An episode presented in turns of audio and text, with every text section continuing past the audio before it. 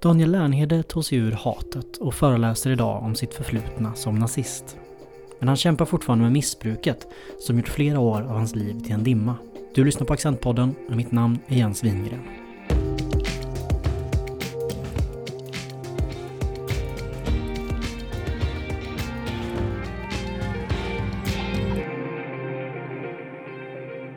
Daniel Lernhedes lägenhet ligger en trappa upp i ett bostadsområde en bit utanför centrala Uppsala.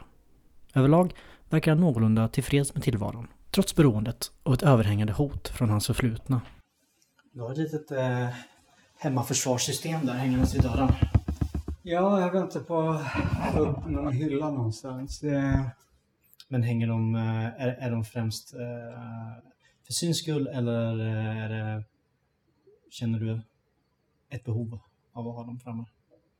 Det är nog mest bara för syns skull.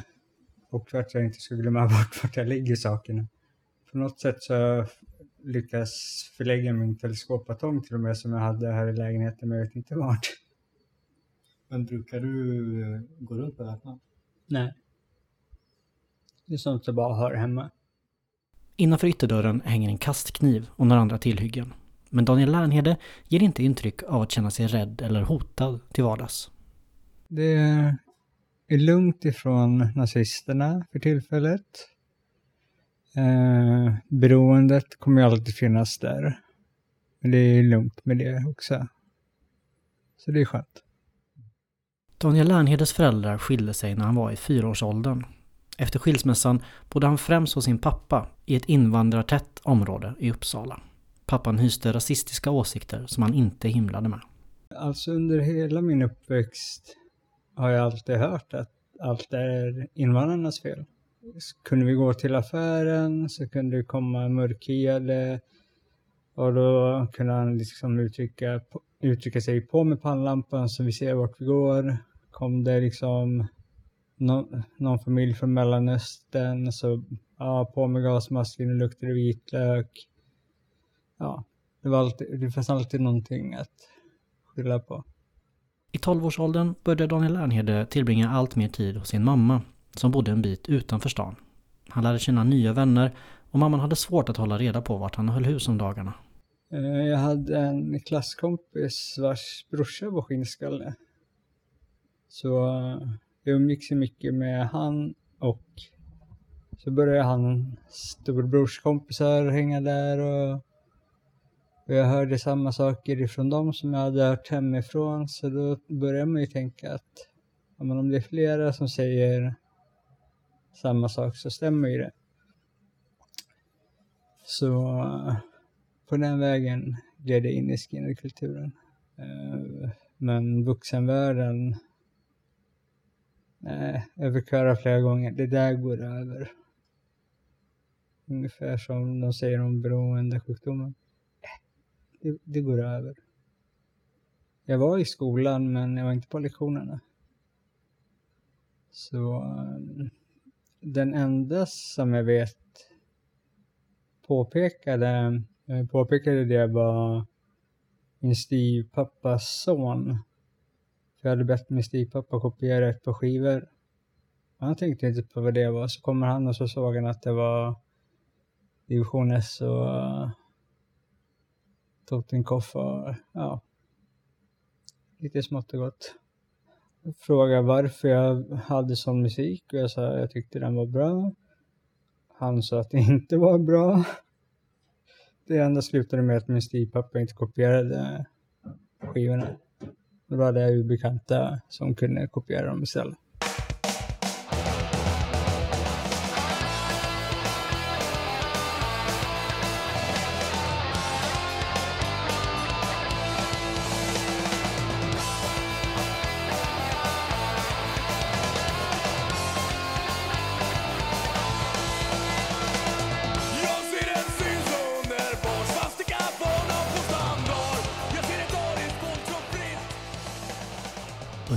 90-talet blev ordet skinnskalle synonymt med nazist. Den brittiska och ursprungligen antirasistiska skinheadkulturen, inspirerad av jamaicansk musik, hade anammats av en generation svenska rasister som drack alkohol och lyssnade på band som Ultima Thule och Pluton Svea.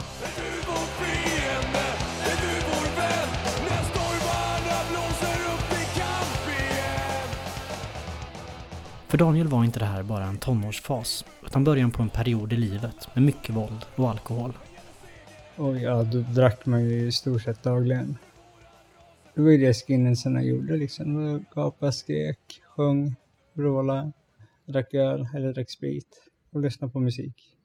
Det har ju varit väldigt våldsamt. Det har ju varit väldigt mycket slagsmål. Så det, det, det ska jag inte sticka under stolen med. Det var en tid som satte spår, både på insidan och utsidan. För även om Daniel säger att han trots våldet klarade sig undan allt för många ärr, så sitter tatueringarna fortfarande kvar.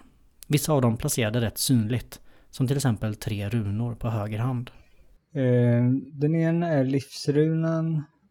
Den i mitten är för fosterlandet. Och den andra är dödsrunan. Ja, de sitter kvar där än. Jag tänker ju knappt på dem längre. Jag har ju tatuerat över eh, hakkorset som jag hade på armbågen. Så håller jag på att prata med en tatuerare nu hur vi ska kunna göra om några. Jag har ju fortfarande VAMs eh, logga kvar. VAM är en förkortning för vitt ariskt motstånd. Eh, sen SS Totenkopf, men det tror folk oftast bara är en dödskalle. En dödskalle kan bara vara en dödskalle. Precis. Om man inte känner till just den specifika designen. Ja, men precis. Fast det borde man ju ha lärt sig i skolan. Tänker jag. Visst, det hade varit skönt om man hade försvunnit, men det är ändå en del av min identitet. Det är en påminnelse om hur livet har varit. Det är vissa dagar så, ja men om man tänker tillbaka och så liksom ser man tatueringarna så kommer man att tänka på det negativa istället. Så då känner man att, ja, det var värt att lämna. Efter millennieskiftet började det nazistiska partiet Nationalsocialistisk front etablera sig i Uppsala. De ville göra den nazistiska rörelsen mindre subkulturell och mer organiserad utifrån 1930-talets renlevnadsideal. Folk lämnade skinnskallekulturen, slutade dricka och började träna istället. Med tiden gick även Daniel Lernhede med i Nationalsocialistisk front. Hans engagemang förde honom med tiden till Kungälv utanför Göteborg, ett starkt fäste för den nazistiska rörelsen. Men 2012 hade han nått vägs ände med sitt engagemang. Det skavde med de gamla övertygelserna. Det började nog med att min exfru var gravid. Och då kände jag, att jag ska... Jag vill, inte, jag vill inte att mina barn skulle växa upp med hat så som jag gjorde hem, hemifrån. Jag ville att de skulle bilda sig en egen uppfattning. Och sen märkte jag ju sprickor inom rörelsen liksom. Så det, det fick jag ändå tvivla mer på att det verkligen var rätt.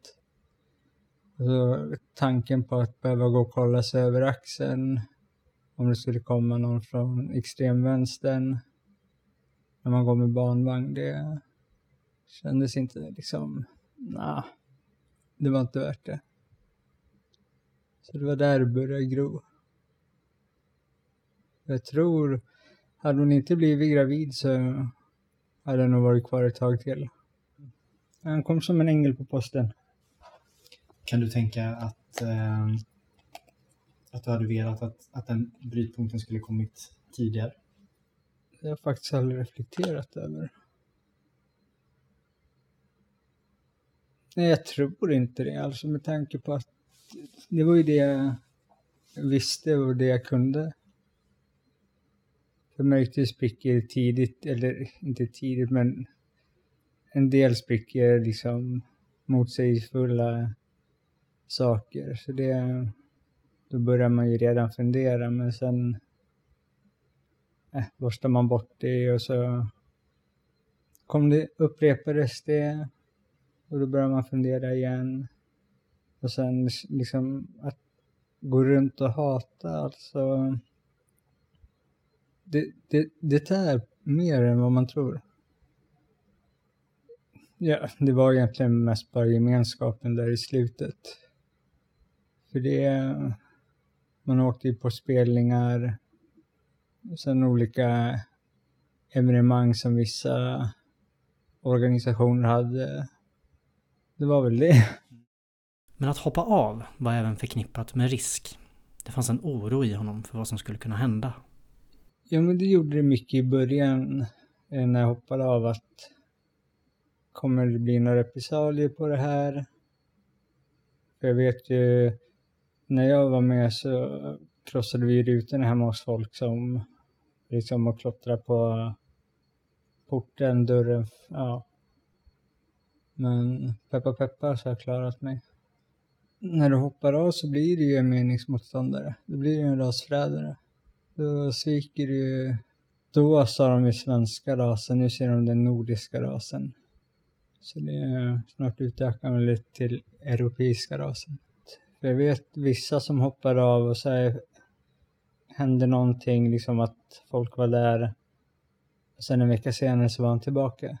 Det var ju en som hoppade av på början på 2000-talet och kom tillbaka 15 år senare. Men då när han hoppade av så jobbade han ju för Fryshuset och Exit. Och det finns också många som tvivlar på det genuina hos någon som lämnat nazismen. Jag har ju fått höra, och får fortfarande höra, en gång nazist, alltid nazist. Det stämmer ju verkligen inte. Det är som att säga en långhårig är alltid långhårig.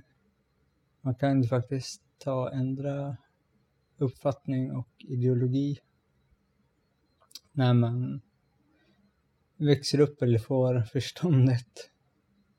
Nej, men det har varit en del negativt från omvärlden, men ändå varit mer positivt. Jag har aldrig haft något problem på jobbet med, med ideologin jag stod för. Det är ju mer liksom sådana man har kunnat stå, stött på stan. Eh, normala vänners vänner liksom om man satt och pratade och så har de sett liksom tatueringar och så bör, börjar fråga. Och... Det var nog rätt dumt att sätta den på handen.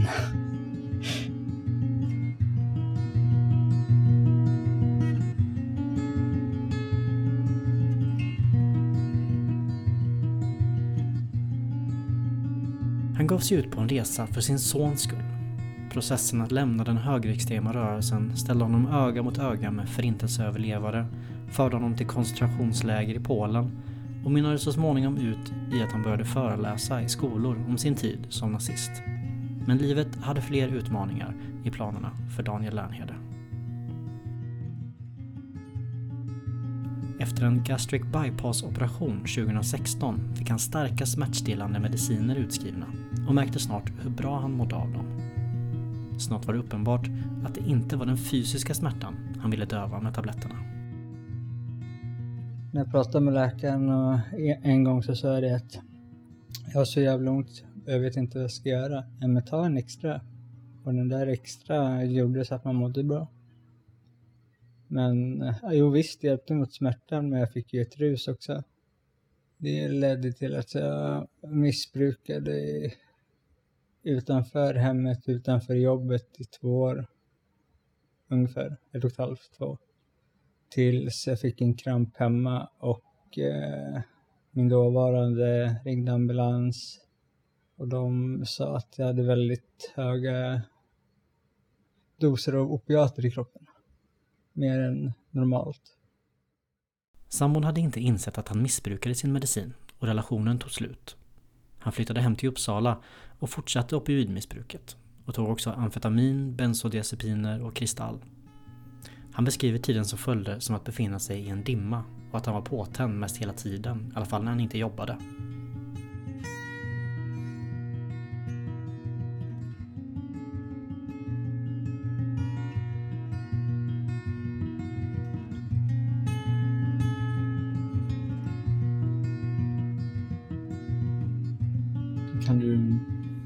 Liksom idag se varför det blev så?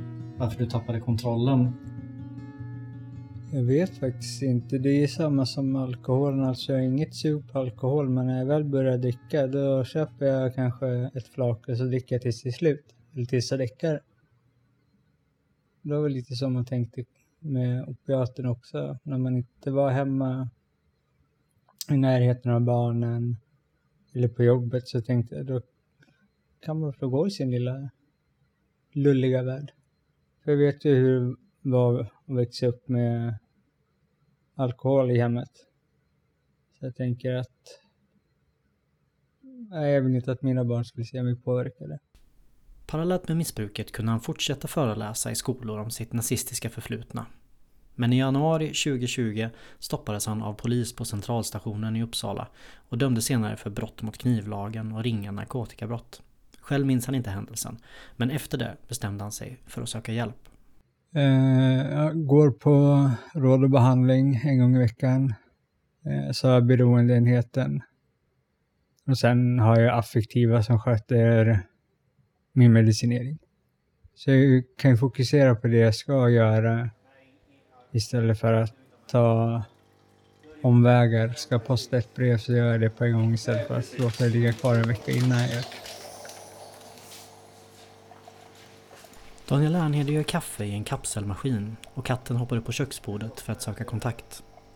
I den här lägenheten har de bott i ett år nu, efter en kortare vistelse på ett stödboende.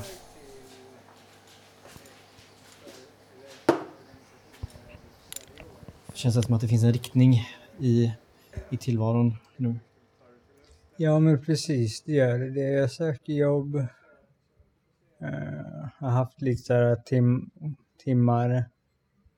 Men försöker hitta något fast. Han hoppas också få komma ut och föreläsa om våldsbejakande extremism igen nu när pandemin inte längre lamslår samhället. Med föreläsningarna kan han göra skillnad och nå ut till unga som är i riskzon för att bli radikaliserade och rekryterade till extrema grupper. Så jag vet att det var en kille som kom fram efter en föreläsning och sa det att jag är rasist men jag vet inte varför. Jag vet att jag frågade honom om man visste någon anledning till varför man var inget han kunde komma på. Men jag tänkte jag ska ta, ta kontakt med honom här nu under våren och se hur det har, hur det har ändrat sig eller om man kör på samma linje. Livet efter avhoppet kan fortfarande vara ensamt. Det är på väg i alla fall. För vissa dagar så vill jag bara vara för mig själv. Så folk smsar och ringer och tjatar. Kom och ta en kaffe, kom och gör det, kom och gör det. Och jag säger bara nej, jag orkar inte. Men det är bara att ta sig i kragen.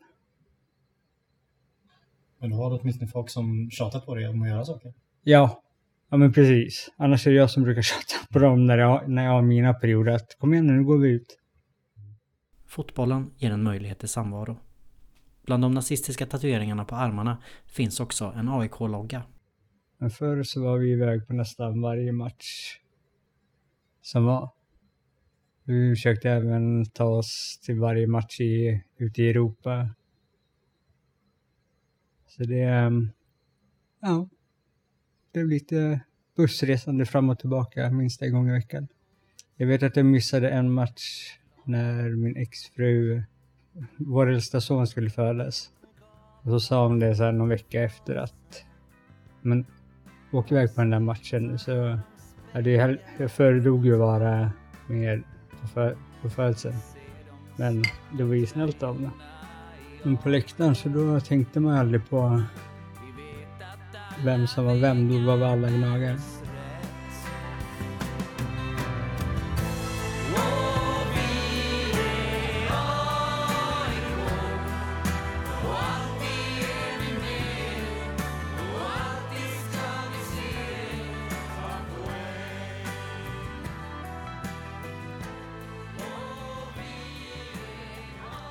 Jag har ju tänkt i efterhand, liksom när man var ung.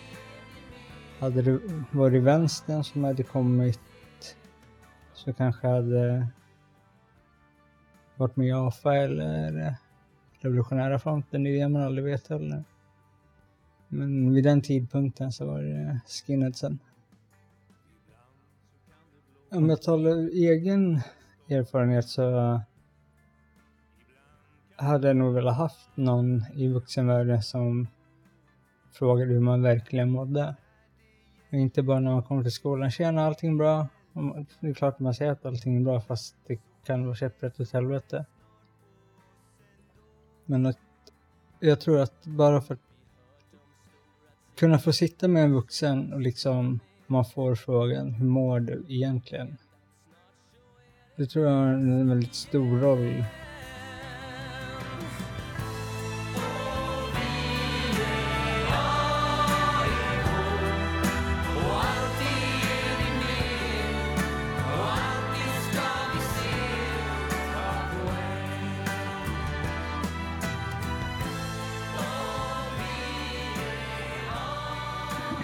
idag, idag är jag egentligen antirasist. Så... Ja. Eh, på ett sätt så är jag gladare än vad jag var tidigare. Nu slipper man gå runt och bära på allt hat hela tiden. Daniel Lernhede lyckades lämna nazismen med hjälp av Segerstedt-institutet, ett resurscentrum vid Göteborgs universitet som jobbar för att förhindra spridningen av våldsutövande ideologier och rasism. Ifall du eller någon du känner behöver hjälp att lämna en extrem rörelse så finns det hjälp att få. I Stockholm finns till exempel Exit som är en avhopparverksamhet knuten till Fryshuset och i Malmö finns ett program som heter Hoppa av nu på det ideella sociala centret Flamman. Mitt namn är Jens Wingren. Tack för att du lyssnat.